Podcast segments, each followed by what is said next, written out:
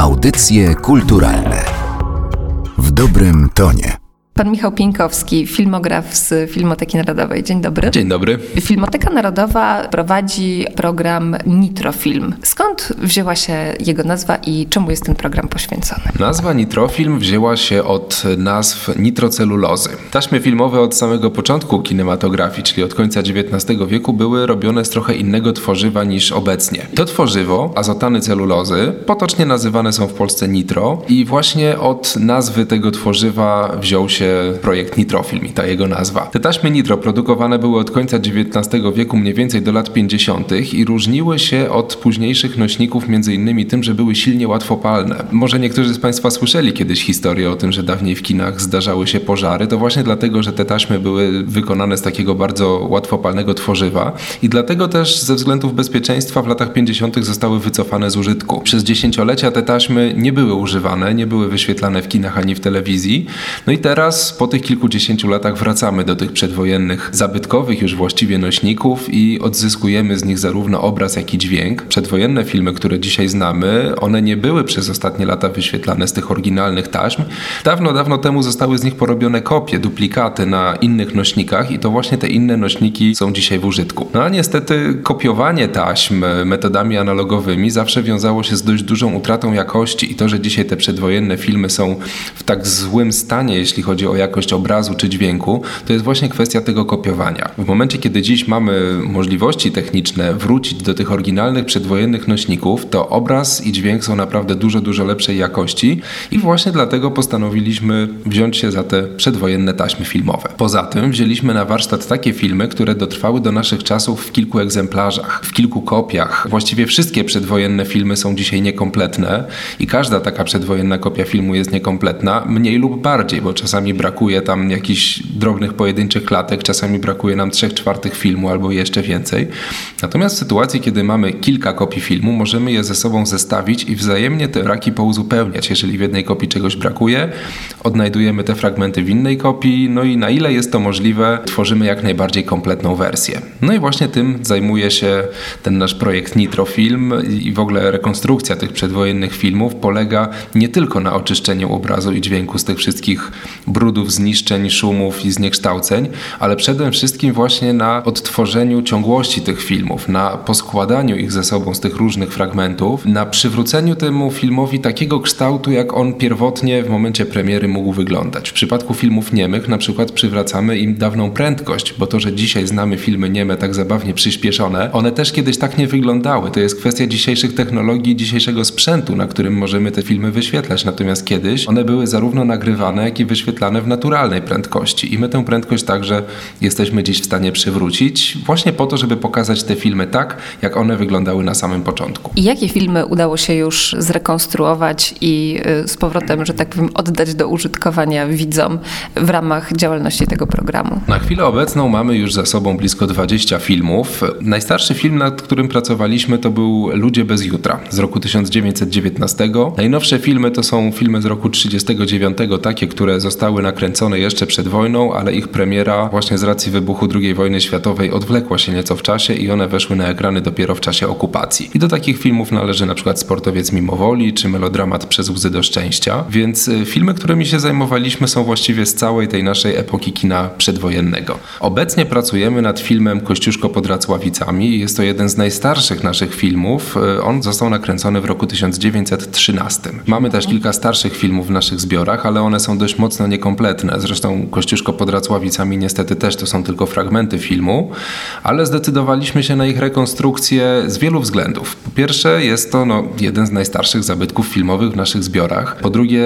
zbliżają się obchody rocznicowe związane właśnie z Tadeuszem Kościuszką i chcemy też tym filmem wpisać się niejako w te obchody. A poza tym jest to film, który do niedawna był zupełnie nieznany i do niedawna nawet nie było właściwie wiadomo, czy ten film w ogóle kiedykolwiek istniał. To jest nasze wielkie odkrycie. Kilka lat temu prywatna osoba z Krakowa zgłosiła się do nas, że znalazła w czasie remontu kamienicy po dziadkach jakieś taśmy filmowe. Na szczęście ten pan zgłosił się z tymi filmami do nas, no i po długich i żmudnych badaniach okazało się, że jest to zupełnie zapomniany i nieznany film właśnie Kościuszko pod Racławicami z roku 1913 i dotychczas nikt o tym filmie w ogóle nie wiedział. Nie było wiadomo nawet, że coś takiego kiedyś istniało, więc jest to naprawdę wielkie odkrycie i no, można powiedzieć sensacja dla historyków filmu, zwłaszcza filmu polskiego i dlatego właśnie postanowiliśmy zająć się tym filmem. Często zdarzają się Wam takie przypadki, że zgłasza się do Was jakaś prywatna osoba, która właśnie w jakimś ciemnym zakamarku, piwnicy przy okazji remontu odnajduje jakieś taśmy filmowe i okazuje się, że jest to fragment polskiego filmu międzywojennego? Trudno powiedzieć, czy to się dzieje często, czy nieczęsto. Raz na kilka lat takie znaleziska mają miejsca i wydaje mi się, że w dzisiejszych czasach raz na kilka lat to jest dość często. Biorąc pod uwagę, że te filmy, niektóre z nich mają już blisko 100 lat y, i że zachowało się ich naprawdę bardzo, bardzo mało, to to, że jednak co kilka lat coś nowego się odnajdzie, z tego powinniśmy być zadowoleni. Kilka lat temu było kolejne takie znalezisko, odnalazła się kopia filmu Młody Las. To był wprawdzie film, który już mieliśmy w swoich zbiorach, ale ta dodatkowa kopia zawierała kolejne fragmenty, których u nas brakowało i dzięki temu ten film będzie można poskładać możliwe, że nawet w 100%. Przedwojenne filmy znajdują się nie tylko w zbiorach prywatnych, ostatnio dużo częściej e, znajdują się po prostu w zagranicznych archiwach filmowych, w filmotekach z całego świata. Ostatnio takie wielkie odkrycie miało miejsce w Londynie. W Instytucie Polskim i w Muzeum imienia e, generała Sikorskiego e, przechowywane były właśnie kopie przedwojennych filmów polskich, fabularnych. No i Instytut zdecydował się przekazać te kopie właśnie do Filmoteki Narodowej. I to było wielkie wydarzenie, dlatego że w tym zbiorze było blisko 30 przedwojennych filmów fabularnych, a tak duże znalezisko po raz ostatni miało miejsce 50 lat temu. W latach 60., kiedy równie wielka kolekcja polskich filmów trafiła do nas z archiwum radzieckiego.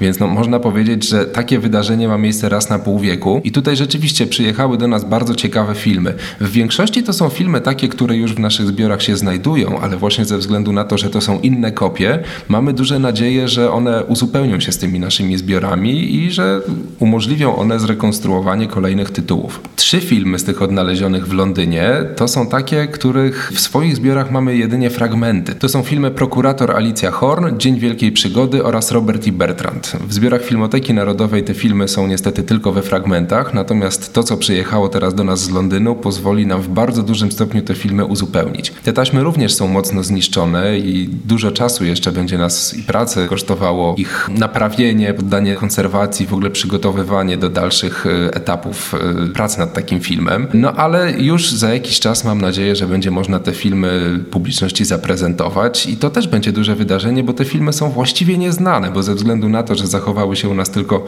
we fragmentach, to one nie są pokazywane, bo no, to nie jest atrakcyjne pokazać komuś fragmencik filmu. Transport tych londyńskich taśm do Warszawy trwał dość długo, a to właśnie ze względu na to, że były to taśmy te jeszcze przedwojenne, łatwopalne. No i tutaj już wchodzą obostrzenia prawne, dlatego że w świetle prawa te taśmy filmowe są materiałami wybuchowymi. Ich nie można tak sobie po prostu zapakować w walizkę i wozić. To wymagało zamówienia odpowiedniego transportu ze spełnieniem wszystkich tych norm bezpieczeństwa i to norm międzynarodowych, bo inne normy bezpieczeństwa są w Polsce, inne są w Anglii, a inne są jeszcze po drodze, więc wymagało to naprawdę wiele załatwiania, no ale finalnie te filmy wreszcie do nas trafiły i obecnie trwają już prace nad tymi taśmami. To będzie kosztowało nas dużo pracy, żeby je przygotować do dalszych etapów, ponieważ te najstarsze taśmy nie wystarczy ich założyć po prostu na projektor, na kopiarkę czy na skaner, żeby je skopiować czy zdigitalizować. Na początku trzeba je poddać konserwacji, właśnie ponaprawiać te wszystkie rozerwania, ubytki, wyczyścić te taśmy, poddać je czasami różnym działaniom fizycznym i chemicznym, nawilżyć je odpowiednio, tak żeby one nie uległy zniszczeniu podczas cyfryzacji. Właściwie jest to konserwacja zabytku, trochę innego rodzaju niż konserwacja, czy to obrazu, czy rzeźby, ale to, co tutaj robimy z tymi przedwojennymi filmami, to śmiało można nazwać konserwacją zabytku, a takie działania niestety muszą długo trwać. Dla skarbów y, zapoczątkowali Państwo akcję społeczną o takiej właśnie nazwie. Tak mi się wydaje, że to jest taka akcja właściwie edukacyjna, prawda? Bo staracie się przekazać taką wiedzę, jak należy postępować z takimi taśmami. No i może powiedzmy naszym słuchaczom, znajdujemy jakąś taśmę filmową, jak należy z nią postępować, jak należy ją zabezpieczyć. Z takimi starymi taśmami filmowymi przede wszystkim należy postępować bardzo ostrożnie, bo jeżeli ta taśma ma już te swoje kilkadziesiąt lat i była przechowywana w niezbyt właściwych warunkach, warunkach, a jeżeli ktoś znajduje taką taśmę w domu, w piwnicy czy na strychu, to to nie są najodpowiedniejsze warunki,